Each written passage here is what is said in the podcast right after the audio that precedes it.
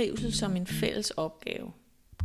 Når man er på arbejde, så kan man jo trives mere eller mindre, og noget af det skyldes private og personlige forhold, men rigtig meget af din trivsel, det skyldes formentlig forhold på arbejdspladsen. Og det der mit arbejdsmiljø og din, dine og mine arbejdsbetingelser, jamen det er hverken dit eller mit ansvar. Det er vores ansvar, og selvfølgelig også vores leders ansvar og arbejdspladsens ansvar. Men derfor skal vi også tale om det sammen. Og det kan man bruge trivselssamtaler til. Men hvad er trivselssamtaler for en størrelse? Hvorfor skal vi afholde dem? Og hvordan kommer man bedst i gang med det arbejde? Det skal vi se nærmere på i dagens podcast som er nummer 45 i rækken under navnet HR Viden. Det er som sædvanligt mig, der sidder bag mikrofonen og taler og redigerer sammen med en inspirerende gæst. Jeg hedder Bettina Prys, og øh, jeg har virksomheden Godt Arbejdsliv. Og som organisationskonsulent, der bruger jeg ofte trivselssamtaler som et element til at sikre et godt arbejdsmiljø i de virksomheder, jeg er ude at arbejde med. Til at tage den her samtale med mig, der har jeg inviteret en veninde, kollega og erfaren podcastgæst, nemlig Begitte Glifberg fra Glifberg Processer. Du lytter til den sidste podcast i den her sæson af HR Viden, for lige om lidt, så er det sommerferie. Men inden da, der skal vi tale om trivselssamtalen. Velkommen til.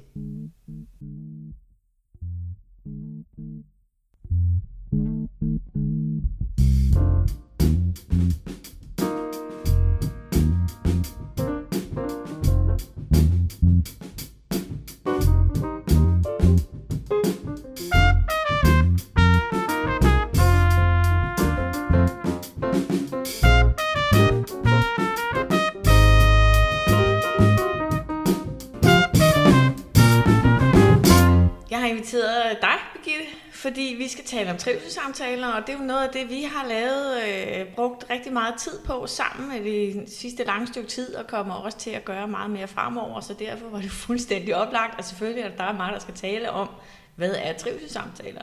Ja. Så øh, Birgitte, det er længe siden, du har været med i min podcast, så jeg tænker, du måske lige skulle starte med at introducere dig selv igen. Jamen, allerførst tak, fordi jeg måtte være med igen, Bettina. Det er jo altid dejligt at sidde her sammen med dig. Og jeg kommer jo fra Glifberg Processer, øh, og jeg er ledelsesrådgiver og arbejdsmiljøkonsulent. Og øh, så arbejder jeg med trivsel, ligesom dig. Øh, og det er jo det, vi skal snakke om i dag. Mm. Så rigtig dejligt, at jeg må være her, og jeg glæder mig meget til vores snak. Og vi skal snakke om trivselssamtaler, fordi øh, noget, noget af det, vi også har mødt, når, når vi kommer ud på arbejdspladserne, det er, at de her teams, man, man arbejder i i hverdagen, de er ikke nødvendigvis altid trives super godt. Og øh, der kan være højt sygefravær, der kan være mistrivsel, der kan være konflikter, der kan være mange forskellige ting i spil, der ligesom kan medvirke til at forklare, hvorfor det ikke helt fungerer. Og noget af det, vi så arbejder med, det er at, at bruge trivselssamtaler som værktøj til, at lederne kan holde en samtale med teamet, i stedet for kun jeg siger i gåseøjne, det kan man ikke rigtig se eller høre, kun, øh, altså det, det bliver meget ofte sådan individuelle samtaler, der bliver afholdt, hvis nogen mistrives, eller hvis der opstår et eller andet fnider på arbejdspladsen. Og det vi gerne vil, vil arbejde mere med, det er jo så at sige, jamen hvad nu, hvis man tog arbejdsfællesskabet i ed og sagde, hvad er det, vi kan gøre sammen? Hvordan kan man strukturere det på en hensigtsmæssig måde? Og inden vi kommer for godt i gang, så er min opgave jo i dag at øh, strukturere vores samtale ja. på en hensigtsmæssig måde. Så, så øh, intentionen er, at vi starter med lige at afdække sådan lidt nærmere, hvad er trivselssamtaler for en størrelse. Og så har vi 10 øh, punkter, øh, vi kan anbefale, man kan gå igennem, hvis man ønsker at komme i gang med det her trivselssamtale som metode. Men dem kommer vi til. Lad os øh, starte med at se lidt nærmere på, hvad er det, hvad er det sådan en trivselssamtale er? Jamen en trivselssamtale, det er jo, at man går ind og kigger på, hvordan øh, trives jeg i det arbejdsfællesskab, jeg er i. Øh, og trivsel betyder jo i virkeligheden, at øh, man bevarer sin motivation, man får lyst til at være der, hvor man nu er i sit arbejde, og at man oplever, at man er øh, sammen med nogle gode kollegaer og en god leder. Øh, så det at trives sammen øh, er jo en forudsætning for at kunne have et godt arbejdsmiljø. Man kan også sige, at arbejdsmiljøet er afhængig af, at der er en god trivsel, fordi at det øh, bidrager til, at vi sammen øh, kan løfte den opgave, vi er sat i verden for at løfte på en bedre måde. Det er jo lidt to sider af samme sag, ikke? Jo. Øh, altså arbejdsmiljø og trivsel. Ja. Øh, for, fordi du siger, at arbejdsmiljøet er afhængig af god trivsel, men, men er et godt arbejdsmiljø ikke god trivsel? Jo, altså det kan man jo godt sige. Det kommer an på, hvor man kigger fra. Ja. Altså, men som udgangspunkt, så det vi jo har arbejdet med, det er jo at, at sætte spot på, hvordan kan vi forebygge mistrivsel og i virkeligheden sikre, at der er en god trivsel. Hvad skal der til for, at vi trives øh, på arbejde? Nogle vil jo sige, det behøves man ikke for at skal løse en opgave. Men, men jeg tænker jo, at det er vigtigt, at trivselen er i fokus. Fordi at, det behøves man for at, at løse opgaven godt og effektivt. Ja. Øh, nogen vil sige, det altså dem, der ikke fokuserer så meget på trivsel eller sundt arbejdsmiljø, vil jo argumentere for noget andet. Men vi taler jo om hos os, at det er godt med, med god trivsel. Vi har jo masser af forskning med i bagagen, der påviser, at der er en klar sammenhæng mellem, hvis medarbejderne trives og er motiveret, så er de også mere effektive og mere produktive og engagerede. Yes. Så altså, den, jeg synes jo, den ligger lige til højre benet, at man så kan komme ud i en diskussion om, hvad er trivsel for en størrelse, Øh, er det frugtordningen? Er det de lækre jordbær, der står her på, på mit spisebord lige nu, som sikrer vores trivsel? Eller hvad er det egentlig, der gør det? Så, så der er selvfølgelig noget med, hvor skal man sætte fokus hen? Ja. Øh, men, men der er ingen jeg tænker, der, der burde bare ikke være nogen tvivl om, at trivsel og produktivitet eller effektivitet, det hænger altså rigtig, rigtig tæt sammen. Vi er meget enige. Ja, Øh, og og øh, når vi så taler om trivselssamtaler, så, så er der jo den der, den jeg kan have med min chef om, hvad er det, jeg skal gøre for at trives, hvad er det, min chef og, og min arbejdsplads skal gøre for at trives. Men det vi to taler om lige nu, det er jo, når vi tager den samtale i teamet. Ja, og man kan sige, at teamet, det er jo, det kan jo være stort, eller det kan være lille. der kan være tre, der kan være ti. Øh, men der, hvor man er et team, hvor man løser en særlig opgave sammen. Øh, og så kan man sige teams. Der er jo mange teams i organisationen, så, så på den ene side så arbejder vi jo med at gå ind og kigge på, hvordan kan man i det enkelte team i virkeligheden sikre eller øh, understøtte en god trivsel. Øh, og hvad skal der til for, at man får en god trivsel? Øh, så det rent faktisk er trygt, man kunne sige psykologisk trygt øh, at være i, i det her arbejdsteam, mm.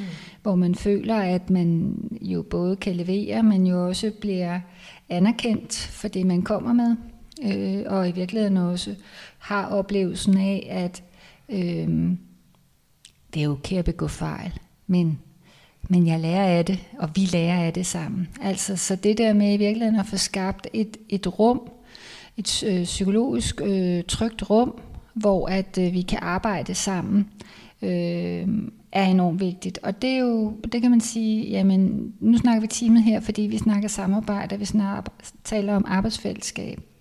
Øh, der er selvfølgelig også på individniveau, men det er ikke det, der er i fokus nu, men det hænger selvfølgelig også sammen med, hvordan man, hvad man kommer med og bidrager med ind i forhold til teamet. Øh, og så kan man sige, at teamet er jo også set i en større sammenhæng, altså rent organisatorisk, hvordan arbejder man med trivsel på den store klinge øh, i den enkelte virksomhed eller enkelte arbejdsplads. Og hvad, og hvad taler vi om, når, når vi taler i trivsel? Fordi jeg tænker, at, at øh, ja, noget af det, vi har arbejdet med, der har vi jo brugt det her trivselssamtaler som sådan en forebyggende redskab i forhold til, at at undgå sygefravær, som, øh, som kan være klar en udfordring øh, øh, på nogle arbejdspladser. Og der er fokus i trivselssamtalerne lidt anderledes, end hvis man skal tale om, ja, hvorfor er du syg, og, og hvorfor fungerede det ikke på arbejdet i går, og hvad var det nu, der gik galt. Så, så jeg tæ, altså, når, når, når jeg implementerer trivselssamtaler, så er det jo meget vigtigt, at vi ligesom øver os i at sige, hvad er det for emner, vi kan bringe op? Hvad er det, hvad er det for et fokus, vi har, når, når vi taler trivselssamtaler? Og der er sådan noget, som, som du også peger på, noget med omkring tryghed og noget, noget nærvær og noget omsorg. Hvad, hvad er det, vi skal gøre med hinanden, for at vi alle sammen fungerer? Så, så man ligesom, øh, altså det er jo ikke fordi, man ikke kan tale om konflikter, men, men vi kan tale om det på en anden måde, Ja. fordi det øger trivselsmulighederne. Ikke? Altså man kan jo i hvert fald sige, at, at når vi taler om den gode trivselssamtale, så er der jo forskellige øhm, kan du sige, perspektiver eller elementer, som er vigtige at have for øje. Øh, og det første, det er jo det der med, at altså, eller jeg ved ikke om det er det første, men et, et opmærksomhedspunkt er i hvert fald, at øh, arbejdsmiljørepræsentanter, tillidsrepræsentant og, og ledere jo er gode til at samarbejde. Fordi hvis de tre er gode til at samarbejde, så viser de jo også vejen i forhold til, hvordan kan vi samarbejde ude øh, i vores arbejdsfællesskab. Og hvordan kan vi sætte øh, fokus på trivslen. Øh, så det, at der er nogen, som går forrest og sætter trivslen på dagsordenen, i virkeligheden som et forebyggende element i forhold til, at vi vil undgå sygefravær, vi vil undgå, at folk, øh, at der er for hurtig udskiftning i vores, øh, i Men, vores team. men skal arbejdsmiljørepræsentant, tillidsrepræsentant deltage i alle de her samtaler? Fordi jeg tænker, at på nogle, i, i nogle, øh, på nogle arbejdspladser, er der måske en arbejdsmiljørepræsentant til 50 medarbejdere, øh, som, som er delt ud i 5-10 forskellige teams. Ja, men jeg tænker ikke, at de nødvendigvis øh, skal deltage i alle, øh, alle samtalerne, men altså, de, de har måske en trio, de har måske et medudvalg, hvor at det at sætte trivslen på dagsordenen jo er vigtigt der også. For i virkeligheden, når vi så taler om trivsel i teamet, at understøtte, at det her det er noget, vi går med alle sammen. Vi har fokus på trivsel, vi har fokus på forebyggelse, fordi vi tror på, at det vil bidrage til et sundere arbejdsmiljø og et mere sikkert arbejdsmiljø. Og det er det, der ligesom er formålet med at sige, ja, du skal, kære leder, selvfølgelig skal du holde en, en samtale med din medarbejder, hvis han, hun øh, viser tegn på mistrivsel, eller hvis der sker en eller anden ændring i ens livsforløb, eller arbejdsevne, eller et eller andet, selvfølgelig skal du gøre det. Men hvis du nu også gør det med dit team med jævne mellemrum, så får du mulighed for at tage ting i opløbet. Og, og, og I får mulighed for ikke bare at pålægge ansvaret til den enkelte, men faktisk også at tage fælles ansvar for at sige, okay, så nu har Birgitte en anden situation, hvordan griber vi den bedst muligt? Hvordan sørger vi bedst muligt for, at hun stadigvæk kan være den bedste kollega? Ikke? Ja. Og så kan man jo sige, hvad skal der til? Altså, hvordan, hvordan griber vi det an? Der er Det, det tænker jeg, vi kommer, det kommer vi videre til. Okay. Øh, Nu vil jeg godt lige holde lidt fast i, hvad, hvad er det, altså hvorfor skal vi gøre det her? Hvad er, det, hvad er formålet med?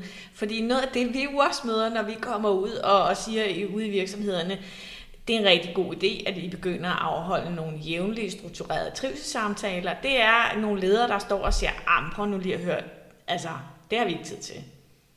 Så, så hvad er argumentet for at gøre det? Altså, hvorfor skal, vi, hvorfor skal vi finde tiden til at gøre det? Fordi det er for dyrt at lade være. Øh, Det var det gode, korte svar. Ja. Ja, men altså man kan sige, det er for dyrt at lade være, fordi at dårlig, dårlig trivsel, mistrivsel, det skaber en øget personaleomsætning. Det betyder, at der er flere, der kommer til at skal arbejde hurtigere, øh, fordi at der ikke er kontinuitet i arbejdsfællesskabet. Det skaber sygefravær. Det skaber sygefravær, øh, langtidssygemeldinger. Folk de risikerer at øh, opleve stress eller ryge helt ud over kanten, hvor de bliver langtidssygemeldt. Så det i virkeligheden at Jeg forebygge... Også, at, at Øh. man, man øger risikoen for at begå fejl. Det er en påstand, jeg ikke har sådan en super vel underbygget påstand, men det var, det var bare sådan en tanke, at, at hvis, hvis ikke jeg har nogen til at hjælpe mig med at løse min opgave, eller hvis ikke jeg har et fællesskab, hvor jeg tør sige, hey, jeg har brug for hjælp, så øger jeg vel også risikoen for at begå fejl. Ja, og så kan man sige, hvordan er det med fejl?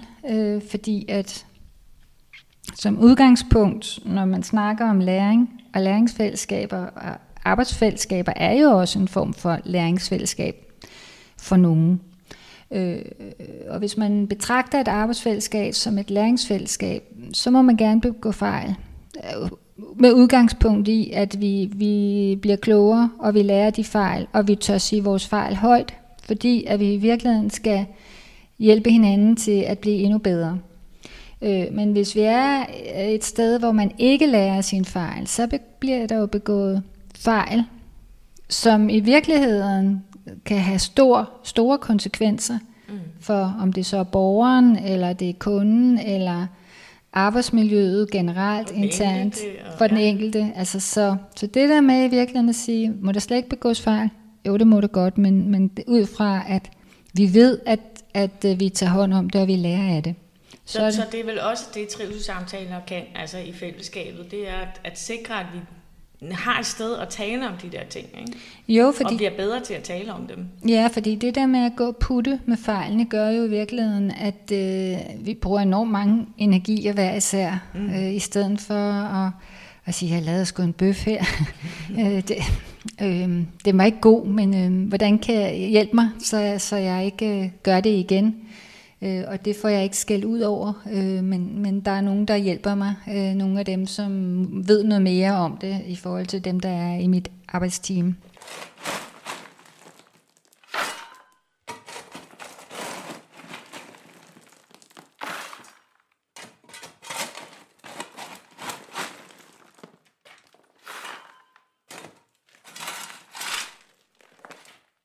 Og apropos skal ud, så, så, så ser jeg også trivselssamtalerne som, som en struktureret sted, man kan tage konflikterne i opløbet.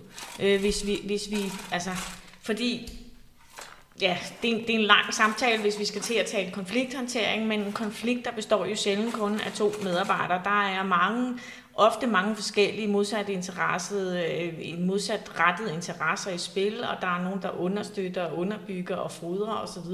Så hvis man nu tager de her konflikter øh, ikke bare over i hjørnet, men, men struktureret i teamet, så bliver det også muligt at afbøde dem hurtigere. Ja, og der kan man jo sige, hvad er det for en kultur, som man skaber og ønsker at være en del af. Mm. Altså fordi, at man kan sige, hvis man, hvis man er ansat i en kultur, hvor at øh, man virkelig bliver hakket på, eller der bliver vendt øjne, eller hvad ved jeg, af andre øh, mere eller mindre subtile måder at tilkendegive, at det er da godt nok blankt, det der er foregået der. Altså, øh, så er det måske ikke der, man rejser hånden, og, eller løfter hånden og siger, hjælp mig. Altså, fordi så er der en kultur, hvor det er ikke tilladeligt at lave fejl. Men hvis man i stedet for at få skabt en kultur, hvor at her, der hjælper vi hinanden, fordi at ved at hjælpe hinanden, så løfter vi hinanden i flok, og vi løser i virkeligheden også det at skabe et godt øh, miljø sammen, hvor vi øh, trives.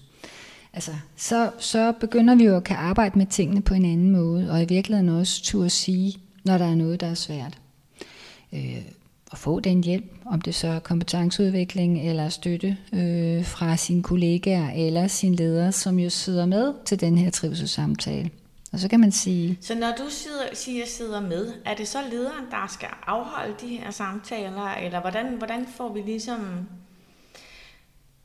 Nej, lad mig, lad mig, sige, lad mig tage den fat i den på en anden måde. Fordi noget af det, vi også møder, når vi kommer derud, altså udover at lederne siger, ej, det har jeg simpelthen ikke tid til, at vi også skal, skal sidde, sætte os ned i en rundkreds og snakke om. Det behøver man jo så jo det ikke. Mm. Øh, det behøver jo ikke at gøre det på den måde. Men, men øh, noget andet af det, vi møder, er jo tusind dårlige undskyldninger for ikke at få det gjort. mm-hmm. Og, og noget af det, vi i hvert fald øh, har, har analyseret os frem til, det handler om, det er formentlig netop, at det er, en- det er en svær samtale, eller det kan det være. Hvis der er ulmende konflikter, så kan det være rigtig, rigtig svært at finde modet og kompetencerne og stedet til at sige, nu skal vi altså have, øh, nu skal vi tale om det her. Og det er jo fuldstændig rigtigt. Øh, og så kan man sige, altså hvis der er et eller andet ulmende, øh, øh, øh, øh står vi så på en brændende platform? Altså forstået på den måde, at, at øh, så skal vi ikke gøre noget, fordi altså, det er for farligt at gå ind i det rum. Altså det kunne man jo vælge, men, men, men hvis man gør det, så fastholder man jo en kultur, som ikke er hensigtsmæssig, hvor der er masser af mistrivsel. Og tillader måske konflikten og at udvikle sig endnu mere. Ikke? Så man kan sige, alene den grund i forhold til at forsøge at, at øh, få arbejdet med, hvad er det, der sker i, i vores øh, gruppe, sådan så at, at øh, vi trives øh, bedre, det er jo i virkeligheden at få skabt et, et øh, trygt og psykologisk rum, hvor man kan være. Øh, Er det forudsætningen for at holde trivselssamtaler? Det er, at man har et psykologisk trygt rum.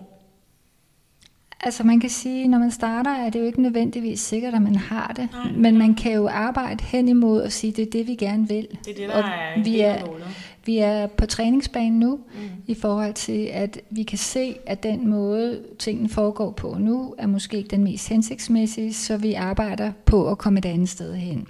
Og der kan være benspænd undervejs øh, i forhold til det. Men det at sige som leder og som medarbejder, at øh, vi har en fælles vej, eller vi har en fælles retning. Det er det her, vi gerne vil. Det, det er sådan et arbejdsfællesskab, vi gerne vil være en del af, fordi så går vi topmotiveret på arbejdet. Det kræver jo noget af den enkelte. Det kræver jo også, at den enkelte medarbejder også kigger på sig selv i forhold til, hvad bidrager jeg med i forhold til arbejdsfællesskabet. For man kan jo sagtens sige, at lederen skal det hele, men lederen kan ikke løfte opgaven alene. Og det er jo det, vi snakker om, når vi taler om teams. Men jeg, altså, jeg, jeg tænker, teamet. det vil oplagt, at det måske er lederen, der faciliterer samtalen, ikke? der planlægger den og strukturerer den og sørger for, at den bliver afholdt. Selvfølgelig. Du lytter til podcasten HR Viden, en podcast om mennesket på arbejde. Så hvis vi skal nå derhen, så har vi jo 10 gode råd øh, til, hvordan kan man komme derhen, hvor man tænker, nu er jeg klar til at øh, holde den der samtale. Men inden vi kommer med alle de gode råd, Birgitte, så tænker jeg, at vi lige tager sådan et kort øh, reklameindslag, eller hvad man nu skal kalde det. Fordi øh, jeg synes, det er helt oplagt, at... Øh, at lige pege på, at der er altså noget, der hedder Danmarks Mentale Sundhedsdag, som, som er et, et, en dag, Vældivforeningen har implementeret. Øh, I år, her i 2021, der er det den 14. oktober, men i virkeligheden er det hele uge 41. Det vil sige fra den 9. til den 15. oktober, hvor alle virksomheder, øh, alle arbejdspladser øh, har mulighed for at søge op til 10.000 kroner, øh, inklusive moms, til at tage en snak om deres mentale sundhed. Øh, og det kan man gøre øh, allerede nu, øh, eller man kan selvfølgelig også vente med at gøre det til på den anden side af sommerferien, men, men min umiddelbare tanke var, hvorfor ikke tage øh, og begynde at øve sig på trivselssamtaler ved for eksempel at gøre det øh, på Danmarks Mentale Sundhedsdag. Øh, både du og jeg har gode erfaringer med Vælgevforeningen og de midler, de øh, leverer til, øh, eller de sponsorerer til at netop sikre og tale om mental sundhed ude på arbejdspladsen. Øh, det er ikke særlig svært at lave den der ansøgning, og der er mange muligheder i det. Der, der er sådan en rimelig metodefrihed, tror jeg, man kan kalde det. Ikke? Så, mm-hmm. så vi har også mulighed for at hjælpe med øh, og idégenerere til at sige, hvordan kunne man gøre det på lige præcis jeres arbejdsplads. Øh, trivselssamtaler var en måde at gøre det på. Hvis du øh, vil vide mere, så tag fat i en af os, eller læs mere på godtarbejdsliv.dk-dms, eller på danmarksmentalsundhedsdag.dk. Jeg skal nok smide nogle links i show notes. Øh, men jeg synes bare, det var helt oplagt øh, en mulighed for at sige, det er måske lidt svært, de her trivselssamtaler. Jeg ved ikke helt, hvordan jeg kommer i gang. Måske skulle jeg have en til at hjælpe mig med at facilitere den første samtale, så vi netop, som du også siger, øver os på det. Ja. Øh, fordi det er jo ikke noget, der bare kommer hen af sig selv. Det er noget, man lige skal finde ud af, at finde en form på. Øh, og der kan være mange former på det. Øh, vi har nogle værktøjer med, som, som vi foreslår, at man kan bruge, men jeg tænker, at vi tager i stedet for sådan 10 punkter nu til at sikre, hvordan afholder vi den gode trivselssamtale øh, metodeuafhængigt. Hvad er det, der skal til for, at, øh, at, at sådan en samtale den bliver god? Ja, så efter den her indledende snak om, hvad trivselssamtaler egentlig er for en størrelse, så kommer vi nu til de gode råd til, hvordan du sikrer, at de her trivselssamtaler faktisk bliver gode. Læg lige mærke til, hvor struktureret den her samtale, Birgitte og jeg har for en gang skyld. Og det skyldes helt sikkert, at jeg også har læst punkt nummer et – nemlig at du skal forberede dig grundigt til at afholde samtalen. Mere overordnet, så kan man sige, at øh, ligesom alle andre professionelle samtaler, så skal du sørge for at åbne på en god måde, du skal ordne den udfordring, der er i fokus, og du skal lukke samtalen hensigtsmæssigt. I det her tilfælde, der munder det ud i 10 gode punkter, som altså først og fremmest er Punkt 1. Lav en god forberedelse. Punkt 2. Den forberedelse skal munde ud i en klar og tydelig dagsorden, som du kan give videre til de andre deltagere. Punkt 3. Når du så åbner mødet, så fasthold et imødekommende og lyttende lederskab af samtalen. Punkt nummer 1. Forberedelse til den her samtale. Hvad, hvad er ligesom udgangspunktet, vi skal tage? Jamen udgangspunktet, det er jo at sætte rammerne øh, for sådan en trivselssamtale. Altså, hvad, hvad er målet? Altså, hvorfor skal vi overhovedet holde trivselssamtaler? Og hvad skal indholdet være? Altså, hvor lang tid skal det vare? Og hvad er det, vi skal komme omkring, når vi snakker trivsel? Øh, og jeg tænker, at det er rigtig godt at have det, altså have de her indledende snakke også med arbejdsmiljørepræsentanten og tillidsrepræsentanten, hvis der findes sådan nogen på arbejdspladsen. Så at lederen jo har, kan man sige, øh, noget opbakning øh, til, at det er den her vej, vi kan gå. Så det ikke er lederen selv, der, der øh, enhændigt beslutter, at vi, i dag skal vi tale om sygefravær, eller vi skal tale om Ja, fordi at det ja. her det er, det er et fælles ansvar. Det er ikke lederens alene. Mm. Det er klart, at lederen er rollemodel. Det er klart, at lederen har et særligt ansvar, også som arbejdsmiljøleder, men, men medarbejderne har jo også et ansvar i forhold til at understøtte et godt øh, arbejdsmiljø. Og vi ved jo også godt, at det er jo meget nemmere for medarbejderne at tage en del af ansvaret, hvis de rent faktisk bliver inddraget i ja. processen helt fra starten af. Ikke? Ja, og så kan man sige, at det i virkeligheden er invitere ind til at rammesætte, at det her det er en fælles opgave, mm. øh, er enormt vigtigt, også når vi snakker trivsel. Så at man ikke kan sidde tilbagelænet med kors over, eller armen over kors, det er der nok ikke så mange, der gør, men, men altså det der, der skal med, nok være nogen. men det der med at sige, det er lederen, øh, ja, men det er også dit ansvar, for du er også medskabende af den kultur, du er en del af ligegyldigt hvad du laver. Mm. Om du siger noget, eller du ikke siger noget. Det er stadigvæk en handling. Det er stadigvæk en handling, så det i virkeligheden at, at sige det her, altså få, få skabt forståelsen i forhold til formålet med, hvorfor er det vigtigt at tale om trivsel. Mm. Vi skal have sygefraværet ned, vi skal sikre, øh, at folk har lyst til at fortsætte her på arbejdet, og vi skal sikre, at der bliver etableret en læringskultur, hvor vi lærer de fejl, som vi kommer til at begå. Men det er okay, vi skal bare lære af dem. Eller vi skal blive den arbejdsplads, alle gerne vil ansættes i, øh, ja. der hvor de alle sammen gerne vil blive. Eller, altså, ja, der kan være mange mål med det. Ikke? Ja. Men, men ja, lederen sætter selvfølgelig rammen øh, for, hvor lang tid har vi, og hvornår skal vi gøre det, men indholdet er en rigtig god idé at definere sammen med medarbejderne. Yes. Øh, måske gennem medarbejderrepræsentanterne, som du siger. Ikke? Ja, eller i medudvalget, hvis man har sådan hvis et. man har sådan et, ja. Eller, ja. Så punkt nummer to. Lav en dagsorden og udsend den i god tid. Ja. Hvorfor nu det? Jamen altså, det er jo fordi, at uh, forberedelse, uh, det er altid en god ting. Altså, det der med at komme til et møde og være helt uforberedt, det giver jo ikke altid det bedste resultat. Så man kan sige, at få udsendt dagsorden i god tid betyder jo også, at folk har tid til lige at gå og tænke lidt i forhold til, hvad synes jeg, der skal arbejdes med, eller hvad, hvad, hvad for nogle input har jeg? Så man i virkeligheden i gang sætter processen, inden ja. man træder ind i det rum, hvor man skal føre selve samtalen? Ja, eller man ja. fortsætter den proces, som allerede er i gang, øh, på baggrund af, hvad er det for nogle drøftelser, man har haft om formål, og ja. hvorfor skal vi det her, hvor lang tid skal vi tale omkring det, og i, i hvilken i hvilken kontekst. Mm. Så, så det er rigtig vigtigt med dagsorden øh, og punkter, og i virkeligheden jo også invitation til, at medarbejderne også kan få sat noget på denne dagsorden i forhold til trivsel. At øh, vi taler om det. Så øh, punkt nummer tre. Vær en god, imødekommende og lyttende mødeleder. Ja, når man, altså i det ligger jo, at når vi nu inviterer ind til at tale om trivsel, så kan det jo også godt være, at der er jo både nogen, der vil formentlig sige, her der går det rigtig godt.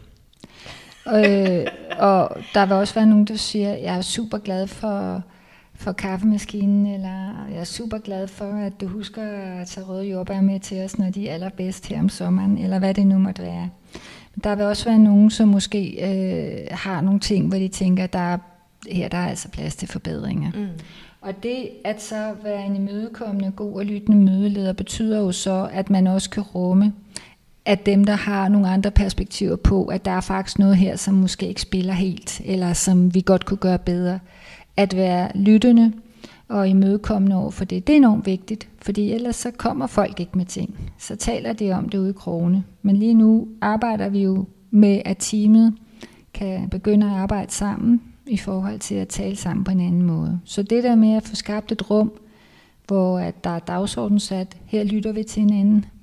Det er en del af rammen. Det er en del af rammen. Vi skyder ikke noget ned her. Vi, øh, der skal være plads til at komme med alle perspektiver. Ikke? Yes. Mm. Og det er, jo, det er jo, kan man sige, i forhold til det at være lyttende, det er jo i virkeligheden at anerkende de forskellige perspektiver, der kommer frem. Det er jo ikke det samme som, at man kan løse det hele på en gang, og skal løse det hele på en gang, men det at skabe et rum, hvor det er muligt at i virkeligheden kunne sige tingene højt. Man behøver jo heller ikke give folk ret, øh, selvom man er anerkender deres position eller måde at, at opleve sagen på. Nej, så du kan jo sige i virkeligheden, altså imødekommende og god, det er vel også ja, en god tone, ikke? Og i virkeligheden, ja, et, et rum, hvor det er rart at sidde og tale sammen. Mm. Ja.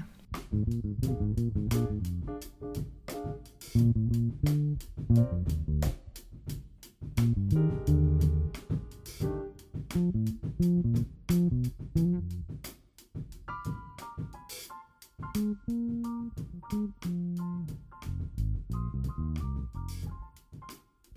det er jo, det er jo punkt nummer 4. Skab øh, et psykologisk trygt rum, hvor øh, lederen gør, gør det trygt for medarbejderen at deltage. Så så er vi over igen i at sige, der, der er altså en, der skal facilitere det her møde, som skal lede det her møde, og som skal sørge for, at samtalen bliver ved med at være en god samtale.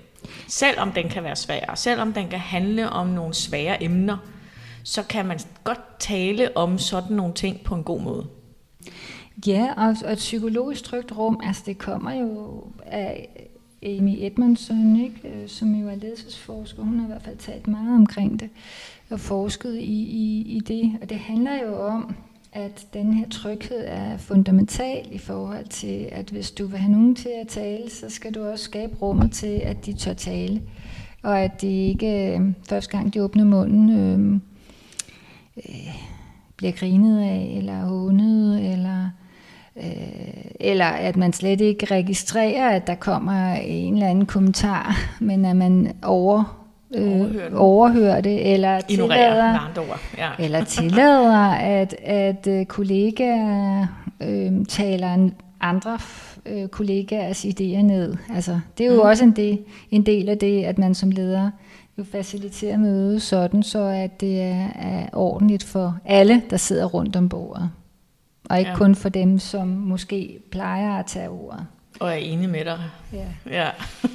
så, øh. så, så den største opgave, når du faciliterer sådan en, en, en uh, trivselssamtale, det er at sørge for, at der bliver plads til alle stemmer, og at alle stemmer bliver anerkendt. Øh, og at man måske også på et eller andet tidspunkt når et sted hen, hvor man er sådan bare nogenlunde enige om, hvordan øh, verden skal hænge sammen fremover. Ikke? Jo. Så læg op til dialog, punkt nummer 5. Øh, skab betingelser for en lærings- og feedbackkultur for alle parter. Det hænger jo tæt sammen med, med punkt nummer 4. Øh, læring og feedback er ligesom forudsætningen for, at, at vi skal kunne flytte os som organisation. Jo, og i virkeligheden, at altså, en ting er, at lederen øh, tænker og, og ved, om det er den vej, vi skal, men i virkeligheden at få sagt det højt, sådan så medarbejderne i teamet også er klar over, at det er det, vi har gang i her. Det er, at vi skal skabe en lærings- og feedback-kultur sammen. Mm. Og det kræver noget af os alle sammen. Øh, her er der ikke nogen, der kan se, sidde og ikke være en del af det, fordi ligegyldigt hvilken måde du så er det på, så er du en del af den kultur. Så, så, så der ligger vel også, at man skal, skal øh, forvente et ansvar fra alle til at deltage aktivt. Ja, det skal man.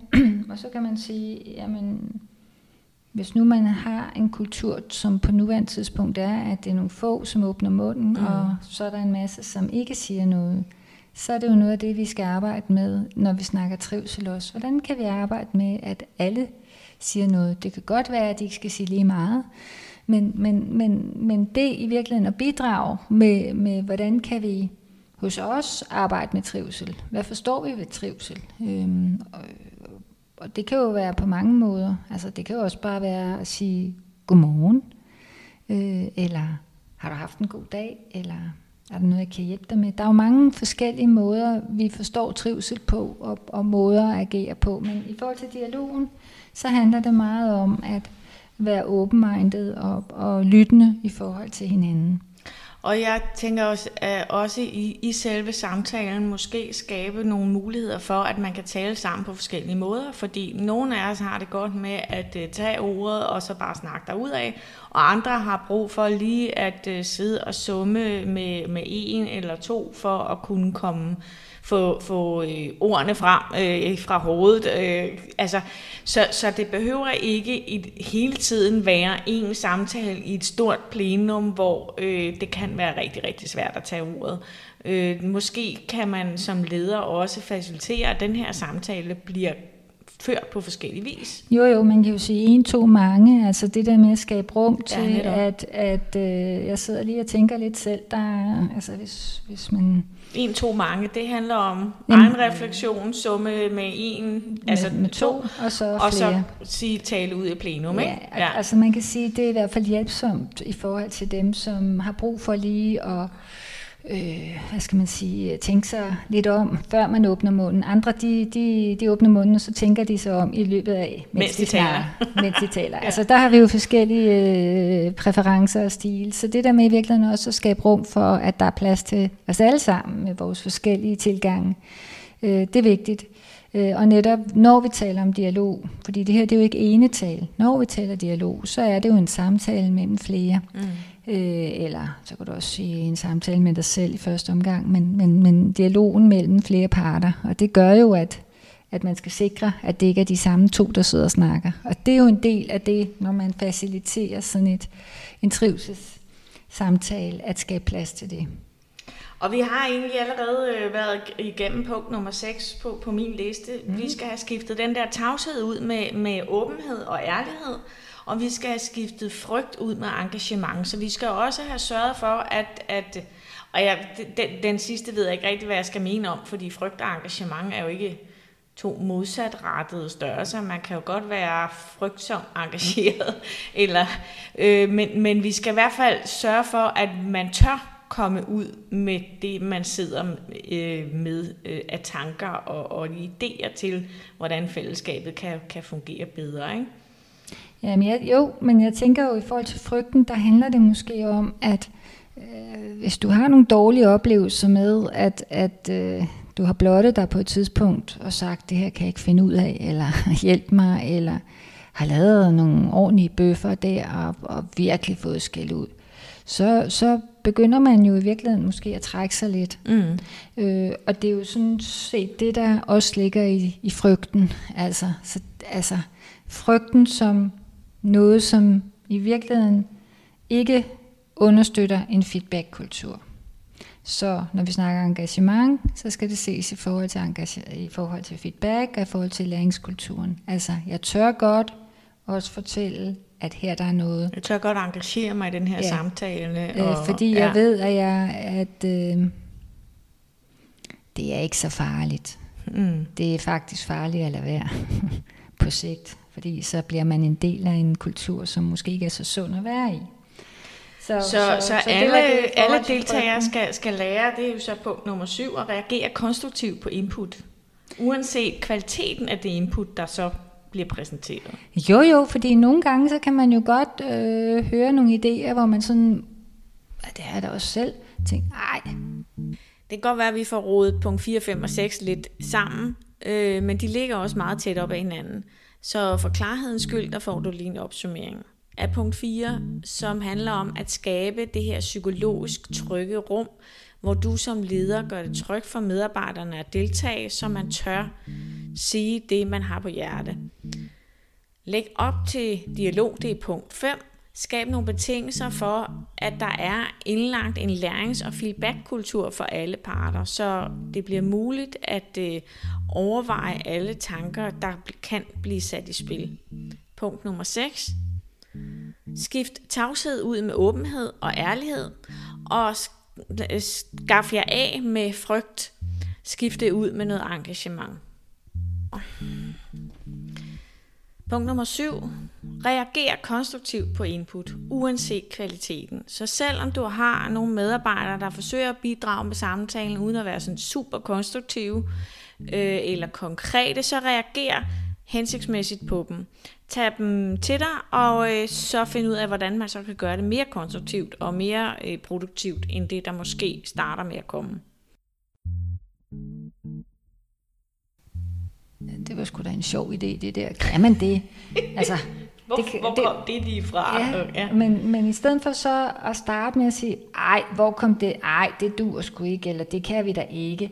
Så i virkeligheden være nysgerrig og mm. sige, okay, det lyder da spændende, fortæl noget mere. Hvad handler det om? Så kan det godt være, at når vi så har fået afdækket, at vi siger, ja, det var en super god idé. Den her, den er lige på parkeringspladsen lidt endnu, fordi der er noget andet, vi skal arbejde med først. Men den er ikke glemt, fordi det kan være, at den kan bruges i en anden sammenhæng, eller på et senere tidspunkt. Så det der med ikke at skyde idéerne ned på forhånd, mm. men i virkeligheden være nysgerrig, det, det er ret vigtigt. Øh, altså, fordi så bagefter så kommer kvaliteten jo, hvor vi sådan kan gå ind og sige, okay, hvad giver det så i forhold til effektiviteten, i forhold til arbejdsmiljøet, ikke? Øhm. Og det er jo så også punkt nummer 8, det her med at støtte medarbejderne. Altså når du nu som leder faciliterer trivselssamtalerne, støt medarbejderne i at være nysgerrige på hinandens bidrag, og gør det ved at stille åbne og anerkendende spørgsmål. Og, og, og hvad kunne det for eksempel være? Et, et anerkendende spørgsmål. Hvis jeg nu kommer som medarbejder og siger, jamen jeg synes, det er noget underligt noget, at vi skal, øh, skal jeg spise morgenmad sammen hver fredag, fordi jeg synes faktisk, det virker sådan ret meget spild af tid. Hvis jeg nu kommer og sagde sådan for eksempel, hvordan kunne man så som leder øh, hjælpe medarbejderne med at være nysgerrige og, og, og stille anerkendende spørgsmål til sådan et udsagn, som måske umiddelbart for nogen vil, vil lyde virkelig underligt. Jo, jo, man kunne i hvert fald øh, øh, i ordvalget, altså spild af tid, om at sidde og mødes omkring øh, morgenkaffe. Og, og, altså, det vil jo for nogen jo allerede der tænke, hmm, okay, så, så det er spild af tid at sidde sammen med mig og drikke kaffe, men det kunne jo også være i virkeligheden at være nysgerrig på, Nå, men det, det, det er jo et godt perspektiv, du har der i forhold til det, din oplevelse. Hvad tænker du, vi så kunne gøre i stedet for, hvis mm. det mhm. var, at vi ikke skulle gøre det? Altså, hvilke andre muligheder ser du for, så at vi kan understøtte trivslen i vores... Ja, øh, eller hvordan tænker du så, at vi kunne gøre i stedet for, for at du ikke følte, det var spild af tid? Ja, altså så, så på den ene side sige, okay, jeg har hørt, hvad du har sagt, øh, og hvad tænker du så, der ellers kunne være. Og nogen vil jo så sige, det ved jeg ikke, jeg synes bare, at det her, det, det duer ikke. Og så må, må den jo stå der indtil, øh, at der kommer nogle andre med nogle andre gode idéer. Men det er klart, hvis den samme ligesom bliver ved med at sige, at det der er noget skidt, det der er noget skidt, det der er noget skidt, så må man jo begynde at så arbejde med, når man hvad, hvad kan du bidrage med? Og, og det var netop det, jeg skulle til at sige, at, at en ting er, at lederen skal være god til at stille åbne og anerkendte spørgsmål og, og støtte medarbejderne i at lytte til hinanden. Men jeg tænker også, der ligger et ansvar for at være konstruktiv, når man, altså i stedet for, man skal ikke have lov til bare at skyde ting ned, så Nej. er man også nødt til at tage ansvar for at komme med en noget løsning. Ja. Og sige, så hvad skulle så sættes i stedet for? Hvis du synes, det her det er noget rigtig skidt, hvad vil du så gerne have i stedet? Og det er jo også vores udgangspunkt, når vi, når vi arbejder med, med trivsel og mistrivsel ude i teams. Hvad, altså i stedet for at tale, bombardere øh, tankerne med alt det, der ikke virker, hvad er det så, der virker? Ja. Altså flytte fokus øh, og, og øve medarbejderne i at sige, det er fint nok, du synes, det er kedeligt at spise fredagsmorgenmad, men hvad vil du så gerne have i stedet for? Ja. Og man kan sige, hvad vil du have i stedet for? Ud fra i virkeligheden den præmis, at vi skal gøre noget sammen ja. på en eller anden måde, fordi det fremmer trivselen. Mm. Fordi at det er jo den anden del af det. Altså trivsel, det er jo, er jo individuelt. Det, der, det du oplever som trivsel, er ikke nødvendigvis det samme. Så jeg skal ikke have lov til at undgå at komme til fredagsmorgenmaden?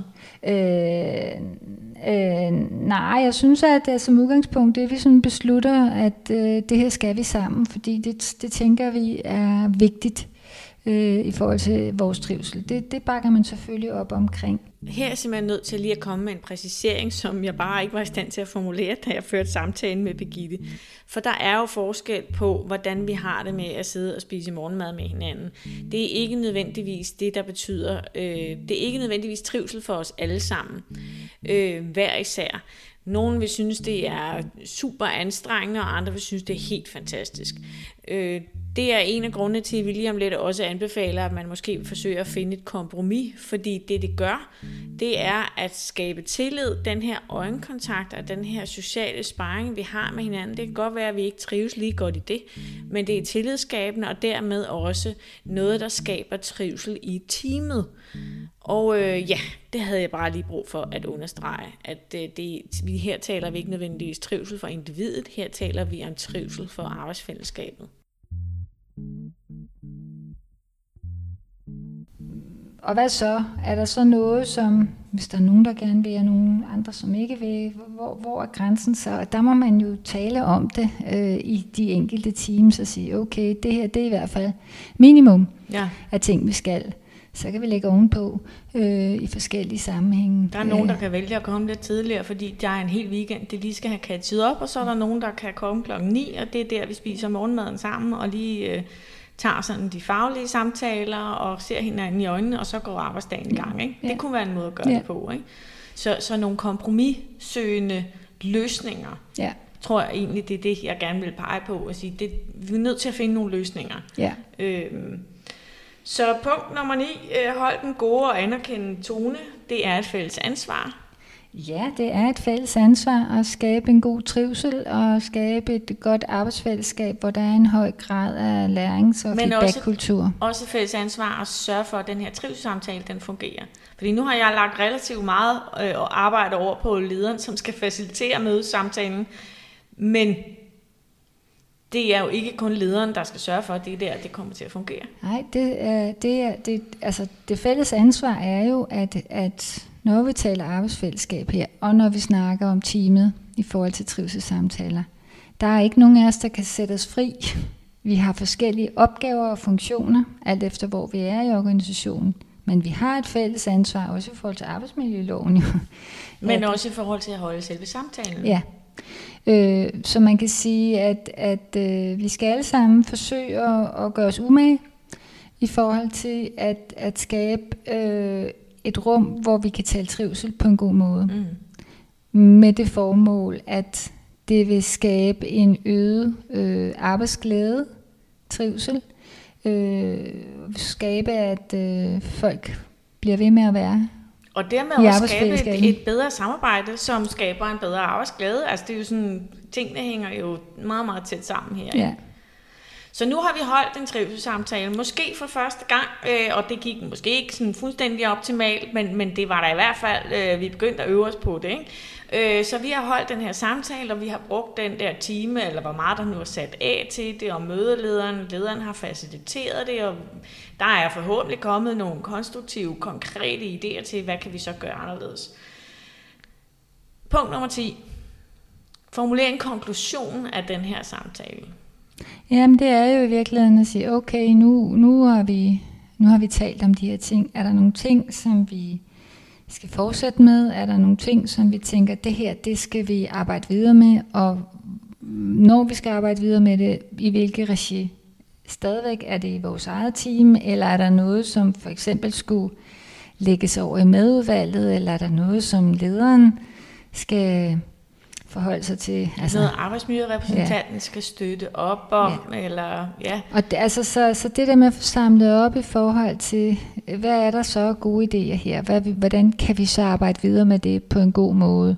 Ud fra at sikre øh, en god trivsel øh, på vores arbejdsplads. Fordi det er jo sådan udgangspunktet hele tiden, at det er det, der er i fokus. Og, når vi og så, så er det jo også en, en aftale om, hvornår skal vi snakke sammen igen, ja, og, og, og, og, og hvem gør hvad. Hvordan til, følger vi op på det følger her? vi op, ja. ja. Øh, fordi det, det er jo også noget af det, vi siger, at, at nogle gange så, så får vi gjort det, og så får vi lavet nogle aftaler, og så, lader den, så bliver den ligesom liggende der, og så sker der faktisk ikke så meget, vel? Nej. Altså, så rykker det ikke rigtig noget. Så, så, så, øh, så, så en klar anbefaling herfra vil jo også være, at, at det her skal jo ikke være en engangs Det kan godt være, at det bliver på Danmarks Mental Sundhedsdag den første gang, ja. sammen med en af os, eller sammen med nogle andre. Men, men det skal jo bare være et sted at starte. Øh, fordi hvis trivselssamtaler virkelig skal virke, så, så er det jo vigtigt, at ja, selve samtalen er struktureret, men måske også, at, at vi får sørget for at få implementeret det som en lidt mere jævnlig arbejdsgang i vores praksis. At sige, nogle gange skal vi altså lige trække håndbremsen og stoppe op og sige, hvordan går det egentlig? Fordi der er rigtig mange, der har enormt travlt. Ja. Øhm, og, og så løber vi bare derud af og, og har travlt hver for sig og prøver på at få samarbejdet til at fungere. men, men som du ganske rigtigt sagde, øh, det, det er jo dyrt at lade være og lige stoppe op en gang imellem. Ikke? Ja. Så, så få implementeret trivselssamtalerne som sådan lidt mere jævnlig struktureret opsamling på, hvordan står det til? Hvordan har vi det? Hvordan kan vi sørge for, at vi har det endnu bedre også fremover? Eller i hvert fald godt nok. Det, vi skal selvfølgelig lige sætte, det skal være realistisk det her, ikke? jo, jo, og man kan sige, en ting, det er jo i forhold til trivsel, at det er enormt vigtigt, men det skal jo hele tiden sættes op imod også, nogle, hvem er vi her for? Altså, hvad er kerneopgaven, ikke? Altså, så, så at der er en sammenhæng der. Det er klart. At det er jo, altså, de ressourcer, der bliver smidt ind i at arbejde med trivsel, det har jo også det formål, at at øh, kunne løse opgaven bedst muligt øh, med det, man nu sidder med. Ikke? Øh, og der ved vi bare, at når folk de trives og motiveret og har arbejdsglæde, så er man mere effektiv, øh, og, så, og det skaber en, en bedre kvalitet. Og, og det altså. kan jo være en måde netop at strukturere samtalen på, eller forme den, og sige, hvis vi kommer helt ud i nogle tråde, hvor, hvor folk sidder og tænker, hvad har det her med noget som helst at gøre, så peg på kerneopgaven og sige, så hvordan løser det her, eller optimerer det her vores løsning af kerneopgaven? Hvad er det, der er, er i spil? Hvad er det, der står i vejen? Hvordan kan vi bruge den oplevelse, du har, den følelse, du sidder med lige nu, til at blive endnu bedre til at løse vores arbejde? Ja. Det tænker jeg var egentlig et meget godt sted at, øh, at slutte den her. Nu synes jeg, vi har løst øh, den mål, jeg havde med den her samtale omkring trivselsamtaler, Birgitte. Fordi nu har vi sat sådan lidt øh, mere fokus på, hvad er det egentlig for en størrelse, mm. og hvordan kunne man komme i gang med den. Ja. Så håber jeg selvfølgelig, at øh, der er nogen, der bliver inspireret til så rent faktisk at gøre det. Ja, men altså, den gode trivselssamtale, det er jo, at det begynder nu. Ikke? Ja det er lige nu. Altså, det er jo i nuet, at man taler om trivslen, og ikke venter med det. Altså, være forebyggende frem for at tage tingene, når det er, at, at tingene brænder. Det er altid godt at være forberedt. Ja. Det og forebyggende. Og forebyggende, ja. Mm. Så, så trivselssamtaler som forebyggende redskab, det er et rigtig, rigtig godt sted at starte. Det kan være først til oktober, øh, men det, du kan også selvfølgelig starte samtalen før da. Øh, under andre omstændigheder synes jeg, det har været en dejlig samtale, Birgitte. Tak, fordi jeg måtte komme. Ja, selv tak, fordi at øh, du dukkede op og øh, delte den her øh, spændende øh, samtale med mig. Så vil jeg bare ønske dig rigtig god sommer. Tak og lige måde, Vi Bettina. øh, ses helt sikkert igen, og øh, hvad det så kommer til at handle om, det øh, vil tiden vise. Men øh, indtil da, tak for nu. Selv tak. Punkt nummer 8 hænger rigtig tæt sammen med punkt nummer 7, fordi du skal lytte aktivt, og du skal bruge nogle åbne og anerkendende spørgsmål til netop at finde ud af, hvad er det egentlig vedkommende forsøger at sige selv, når det godt kan være en lille smule uklart. Punkt nummer 9. Hold den gode og anerkendende tone. Det er ikke kun mødelederens eller lederens ansvar, det er faktisk alles ansvar. Så det bør være en del af rammen aftalen, når I starter de her samtaler, at øh, det her det skal foregå på en god og anerkendende måde. Og sidst men ikke mindst, punkt nummer 10. Formuler en konklusion af trivselssamtalen og gør det gerne sammen med medarbejderne. Følg op på samtalerne og følg op på det, I aftaler og finde ud af, hvornår kan vi egentlig fortsætte den her samtale. For den skulle meget gerne være en samtale, der ikke bare stopper efter en time eller halvanden, men bliver noget, som øh, bliver en del af jeres løbende samarbejdsmuligheder fremover. Det var de 10 punkter. Jeg håber, at øh, du nu går velinspireret ud øh, på din arbejdsplads og tænker, det der, det var da en rigtig god idé, det skal vi også have noget af. hvis du gør, og hvis du er en lille smule tvivl om, hvordan du griber det an, eller bare gerne vil have noget støtte fra en ekstern facilitator, så øh, sidder jeg lige her. Mit navn er Bettina Brys. Du er meget velkommen til at tage fat i mig. Du er også meget velkommen til at tage fat i Birgitte Glifberg. Øh, vi er begge to til at få fat på på Facebook, på LinkedIn. Øh, jeg smider vores kontaktoplysninger i show notes. Vi hjælper selvfølgelig gerne med at lave en ansøgning og skabe nogle idéer til, hvordan kan du tale, eller hvordan kan I tale om jeres mentale sundhed gennem for eksempel trivselssamtaler. Og øh, hvis I gerne vil søge midler hos øh, Danmarks Mentale Sundhedsdag øh, gennem Vælgeforeningen, så øh, kontakt mig eller læs mere øh, på de links, jeg lægger op. Det her, det var øh, den sidste HR Viden podcast, øh, for, i hvert fald for en stund, fordi nu kalder sommervarmen, og øh, det er man nødt til at reagere på. Jeg håber, at øh, du får en fantastisk sommer. Det tyder i hvert fald meget godt på nuværende tidspunkt. Øh, under alle omstændigheder, så satser jeg på, at øh, du kommer til at høre mere til mig, også på den anden side af sommerferien, og jeg håber derfor også, at øh, vi høres ved. Rigtig god sommer og god arbejdsløst, hvis du ikke er nået dertil endnu.